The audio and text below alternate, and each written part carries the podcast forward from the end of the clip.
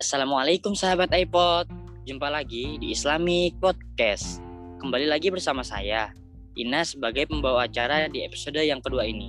Setelah di episode lalu membahas tentang menyambut Ramadan di tengah pandemi, di episode kali ini kita akan membahas tentang menyambung silaturahim di tengah pandemi, yang insya Allah masih akan diisi oleh Kariswan Hadi. Assalamualaikum Kariswan. Waalaikumsalam Inas. Langsung saja kita dengarkan ilmu yang akan disampaikan oleh Kariswan. Silakan Kariswan, boleh dimulai. Bismillahirrahmanirrahim. Assalamualaikum warahmatullahi wabarakatuh. Innal hamdalillah nahmadu wa nasta'inu wa na'udzu billahi min syururi anfusina wa min sayyiati a'malina fala mudilla lahu wa may yudlil fala hadiyalah. An la ilaha illallah wa anna Muhammad Rasulullah. Allahumma salli ala Sayyidina Muhammad wa ala Sayyidina Muhammad. Amma ba'du. Puji serta syukur marilah kita panjatkan kepada Allah Subhanahu wa taala. Alhamdulillah kita masih diberi kesehatan, nikmat iman, sehingganya kita masih bisa melaksanakan aktivitas kita dalam keadaan sehari-hari. Salawat beserta salam semoga selalu dicurahkan kepada Nabi Muhammad SAW. Allahumma salli wa sallim wa barik alaih. Semoga kita istiqomah mengikuti sunnah-sunnah beliau.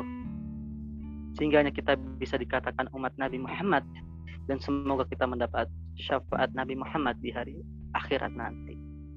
Amin, amin ya Rabbal Alamin. Insya Allah, brother and sister Villa, pada kali ini kita akan sharing-sharing mengenai menyambung silaturahim di tengah pandemi. Brother and sister Villa yang berbahagia dan di mana pun berada. Kita tahu bahwa silaturahim ini bermakna menyambung kasih sayang. Menyambung kasih sayang kepada siapa? Pada keluarga, teman, sahabat, tetangga, dan teman kerabat yang dekat maupun yang jauh. Silaturahim ini bertujuan untuk menguatkan ukhuwah, yaitu tali persaudaraan khususnya sama umat Islam dan umumnya bersama masyarakat Indonesia, tanah air Indonesia. Rasulullah SAW bersabda, yang artinya. Barang siapa yang beriman kepada Allah dan hari akhir hendaklah dia berkata baik atau diam.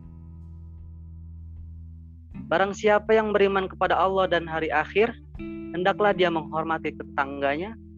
Dan barang siapa yang beriman kepada Allah dan hari akhir maka hendaklah dia memuliakan tamunya. Hadis riwayat Bukhari dan Muslim dari hadis tersebut kita dapat mengambil makna bahwa Rasulullah mengajarkan kepada kita untuk menghormati, mengasihi, mengasihi tetangga, keluarga, teman dan sahabat, dan juga memuliakan tamu. Kenapa sih kita harus bersilaturahim? Membuat hubungan yang baik antar sama manusia jadi kita bukan hanya diperintahkan untuk beribadah kepada Allah saja ya. Bukan hanya hablum minallah buat hubungan baik kepada Allah, tapi juga kita diperintahkan untuk hablum minan nas. Membuat hubungan yang baik antar sama manusia. Kenapa sih? Karena orang memang diperintahkan untuk menjalin silaturahim yang pertama, kita menjalani silaturahim ini insya Allah bisa menjadi ciri-ciri sebagai orang beriman. Rasulullah sudah mengajarkan, kita mengikuti, dan kita tinggal mempraktekannya. Yang kedua, urgensi silaturahim itu salah satu risalah atau pesan Nabi diturunkan menjadi nabi di muka bumi ini adalah menyambung silaturahim, menyambung ukhuwah khususnya antar sesama umat Islam. dan sama masyarakat Indonesia pada umumnya.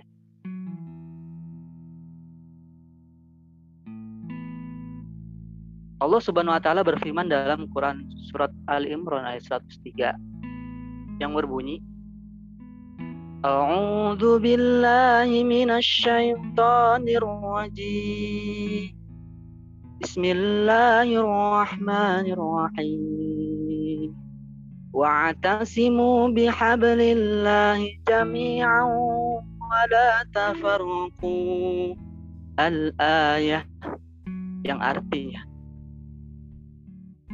dan berpegang teguhlah kalian semuanya pada tali agama Allah dan janganlah bercerai-berai. Allah memerintahkan kepada kita untuk menumbuhkan jiwa persatuan nih. Jiwa persatuan terhadap sama muslim, jiwa persatuan terhadap sama bangsa Indonesia. Insya Allah dengan persatuan ini ke depannya dapat menumbuhkan semangat saling tolong menolong. Kita tahu sendiri bahwa di pandemi ini ya, belakangan ini terjadi banyak bencana, apa, banyak musibah di Indonesia, banjir bandang dan sebagainya. Kita sebagai sama orang Indonesia, kalau kita punya jiwa persatuan dan semangat saling tolong menolong, insya Allah kita dapat membantu itu walaupun di dalam keadaan pandemi seperti ini bisa kita lakukan dengan online yaitu kita memberikan sumbangan secara online melalui lembaga zakat, transfer melalui bank, melalui dompet online dan sebagainya. Nah ini bisa kita lakukan nih. Silaturahim merupakan silaturahim ya. Walaupun kita tidak mengenal gitu kan siapa orang tersebut, tapi setidaknya kita tahu bahwa dia sama masyarakat Indonesia. Itu untuk saudara kita yang jauh di sana. Untuk saudara kita yang dekat, kita bisa lakukan dengan memberi makan, berkunjung, dan saling tegur sapa. Brother and sister villa yang dirahmati Allah Subhanahu wa taala. Dalam pandemi sekarang ini dalam kondisi yang sekarang ini yang keterbatasan ini kita masih bisa melakukan beberapa praktek contoh silaturahim yang insya Allah masih bisa kita lakukan perlahan-lahan atau sedikit-sedikit. Yang pertama di antaranya menebarkan salam. Kita mungkin dulu kalau ketemu langsung ya eh, salaman gitu kan, ucapan salam mungkin sekarang kita jarang ketemu bisa kita lakukan dengan melalui pesan ya ataupun telepon atau video call ya bisa itu kita lakukan dengan teman-teman kampus kita kepala kita atau teman-teman di rumah kita. Kita tebarkan salam saling tanya kabar gimana kabar? Yang kesibukannya apa? Seperti itu bisa kita lakukan. Yang kedua adalah saling memberi makan. Nah ini bisa kita lakukan terhadap tetangga kita anak yatim rumah kita. Ataupun kepada teman yang jauh juga bisa kita lakukan dengan mengirim paket ataupun mengirim makanan melalui driver ojek online. Nah ini bisa kita lakukan gampang banget zaman sekarang untuk mengirim suatu barang ke tempat yang jauh ya. Insya Allah sangat mudah, banyak fasilitasnya sekarang ini. Dan minimal banget kita saling mendoakan sama keluarga, teman, sahabat, dan teman-teman yang lain yang mungkin jauh dari kita. Brother and sister filah yang berbahagia di, dan di mana pun berada. Kalau kita mempunyai kesempatan untuk berkunjung ke keluarga terdekat atau tetangga atau ke kaum duafa atau anak yatim yang dekat rumah kita, ya kalau bisa kita lakukan dengan membantu. Biasanya banyak di bulan Ramadan ini yang membuat donasi untuk dapur umum anak yatim. Memberi makan sahur dan berbuka untuk anak yatim. Nah, itu bisa kita lakukan.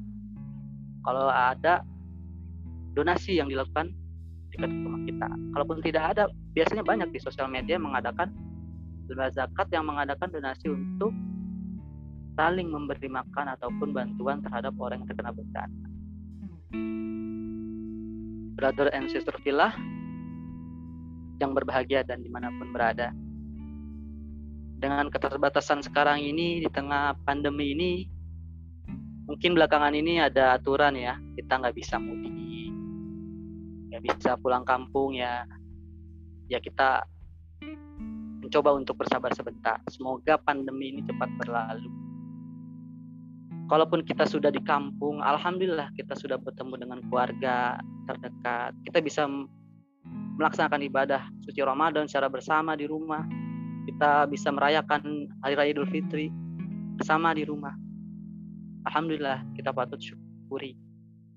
Walaupun kita jauh ya di perantauan ya, misalkan kita terus keluarga kita di Sumatera, nah, kita bisa tetap silaturahim dengan sering untuk menghubungi orang tua kita, keluarga kita dengan video call, ataupun telepon, ataupun SMS, ataupun WhatsApp. Insya Allah ini masih bisa kita lakukan. Dengan kecanggihan teknologi zaman sekarang ini alhamdulillah dapat membantu kita. Waktu dan tempat ini sekarang tidak menjadi batasan bagi kita untuk tetap silaturahim. Kita bisa lakukan dengan secara online. Brother, sister yang berbahagia dan di mana pun berada. Alhamdulillah kalau sekiranya kita masih bisa berkumpul dengan tetangga atau keluarga yang di dekat rumah kita ya kita coba lakukan edukasi dengan tetap menerapkan protokol kesehatan memakai masker mencuci tangan dan social distancing. Setidaknya itu bisa kita lakukan untuk mengedukasi masyarakat yang mungkin belum tahu. Yang mungkin kita sudah tahu ya yang mungkin kita merasa sebagai orang terpelajar ya kita harus tidaknya masih tahu sedikit lah kepada masyarakat. Brother and sister pillah yang dirahmati Allah Subhanahu wa taala. Terakhir dalam kondisi pandemi sekarang ini kita mencoba untuk tetap terus saling terhubung jaga silaturahim kita dengan tetap berkomunikasi secara online melalui telepon dan video call. Ini bisa kita lakukan. Setidaknya kita bisa mengobati rindu kita terhadap keluarga yang mungkin jauh di sana teman-teman kita yang mungkin dulu pas Ramadan sering main bareng gitu kan. Sering ngabuburit bareng. Ya sekarang mungkin ya sedikit lah mainnya lah. Ataupun bahkan tidak sama sekali. Ya setidaknya kita sering bertukar kabar chatting video call telepon kalau kita sering bertukar kabar kepada keluarga kita kerabat kita sahabat dan teman tangga kita akan tahu kabar mereka tuh gimana. Senang atau susah gitu lah. Ada masalah nggak? Gitu kan.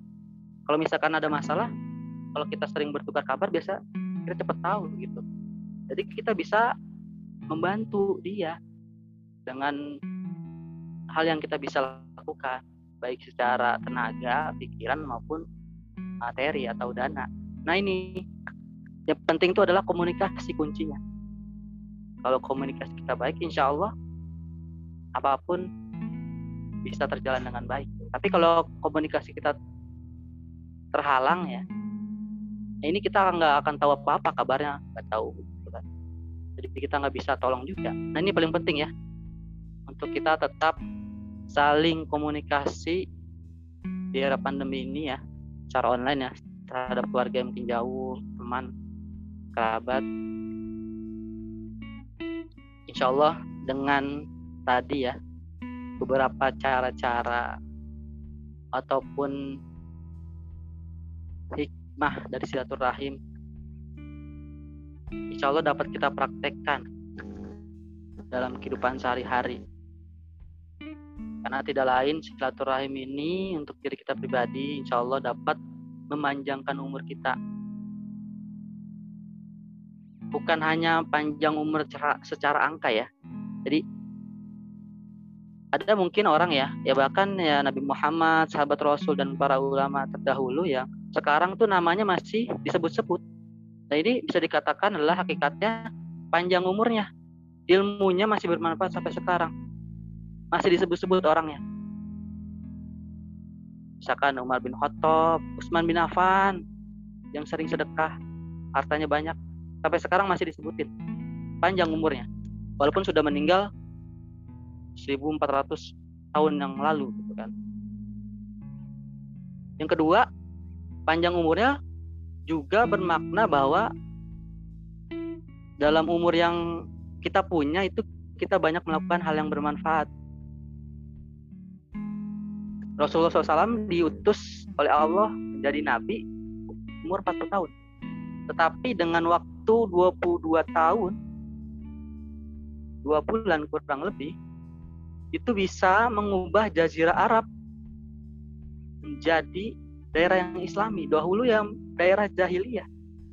Jahiliyah itu bukan berarti bodoh ilmu doang ya.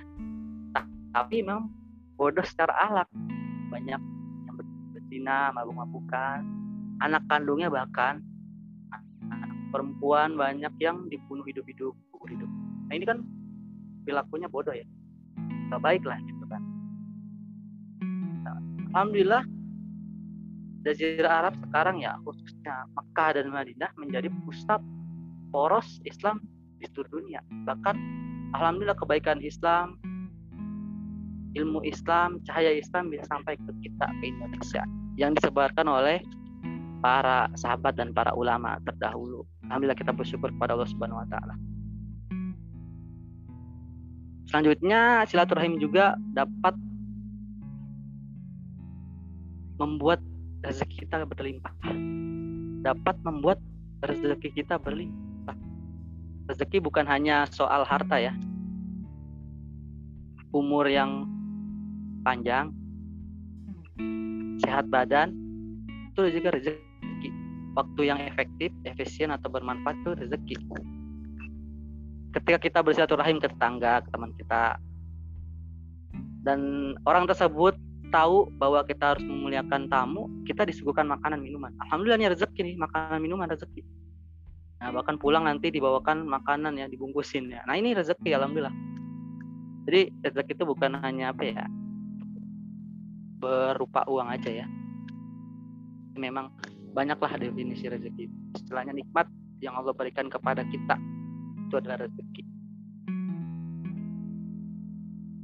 Insya Allah teman-teman sekalian dengan kondisi yang keterbatasan sekarang ini ke depannya kita coba untuk tetap menjalin silaturahim terhadap keluarga kita, keluarga jauh kita, tetangga kita, teman-teman kita yang jauh pun kita tetap bisa silaturahim secara online. Semoga kita dapat istiqomah ikuti sunnah-sunnah Nabi, istiqomah untuk menjalin silaturahim secara perlahan. Dari kita dulu dimulai terhadap keluarga kita, terhadap tetangga kita, terhadap teman-teman kita yang jauh kita sering komunikasi secara online.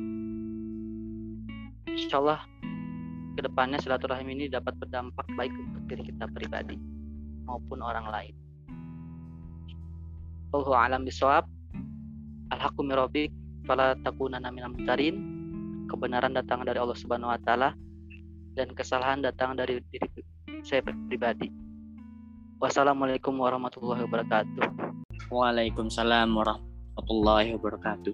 Masya Allah, terima kasih Kariswan atas ilmu yang telah diberikan. Semoga ilmu yang disampaikan oleh Kariswan tadi dapat menjadi ilmu yang bermanfaat bagi saya dan juga sahabat iPod di rumah. Mungkin sampai di sini dulu Islamic Podcast di episode kedua ini. Sampai jumpa lagi di episode selanjutnya. Jangan lupa untuk selalu update terus ya di Islamic Podcast.